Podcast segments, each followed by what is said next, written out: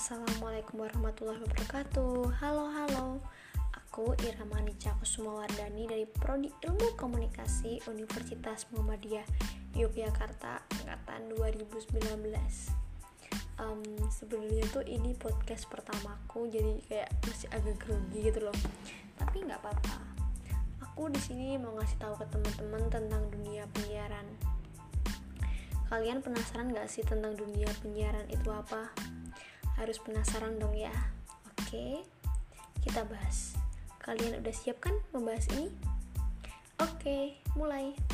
Yang pertama, aku jelasin dulu nih, apa itu dunia penyiaran?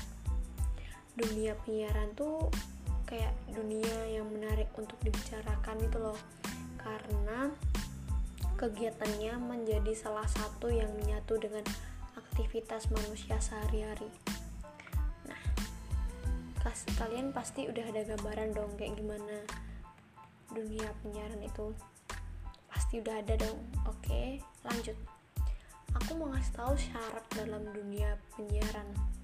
Yang pertama itu harus adanya spektrum frekuensi radio.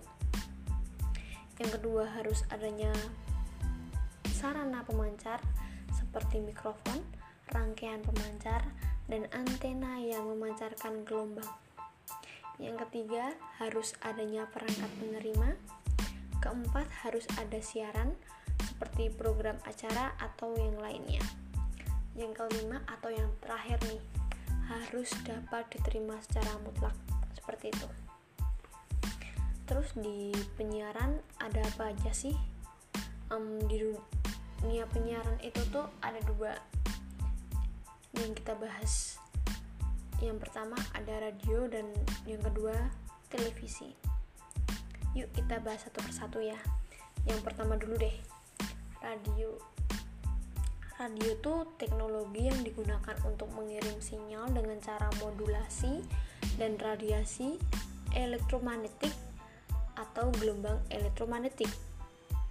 Gelombang ini melintas dan merambat melewati udara dan bisa juga lewat ruang angkasa yang hampa udara. Menurut Arifin, radio adalah alat komunikasi massa yang menyalurkan gelombang berbunyi. Ada juga nih, radio adalah media elektromagnetik yang termurah baik pemancar maupun penerimanya. Nah,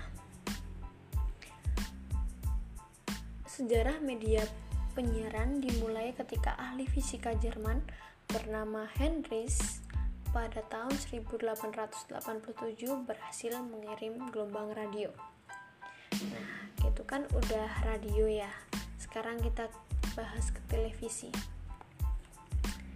Untuk televisi itu sebuah media telekomunikasi terkenal yang berfungsi sebagai penerima siaran gambar beserta suara baik itu hitam putih maupun berwarna. Nah kalian punya TV kan? Pasti itu ada suaranya ada gambarnya. Kalau yang nggak rusak loh kalau yang rusak nggak usah dibahas ya. Oke lanjut.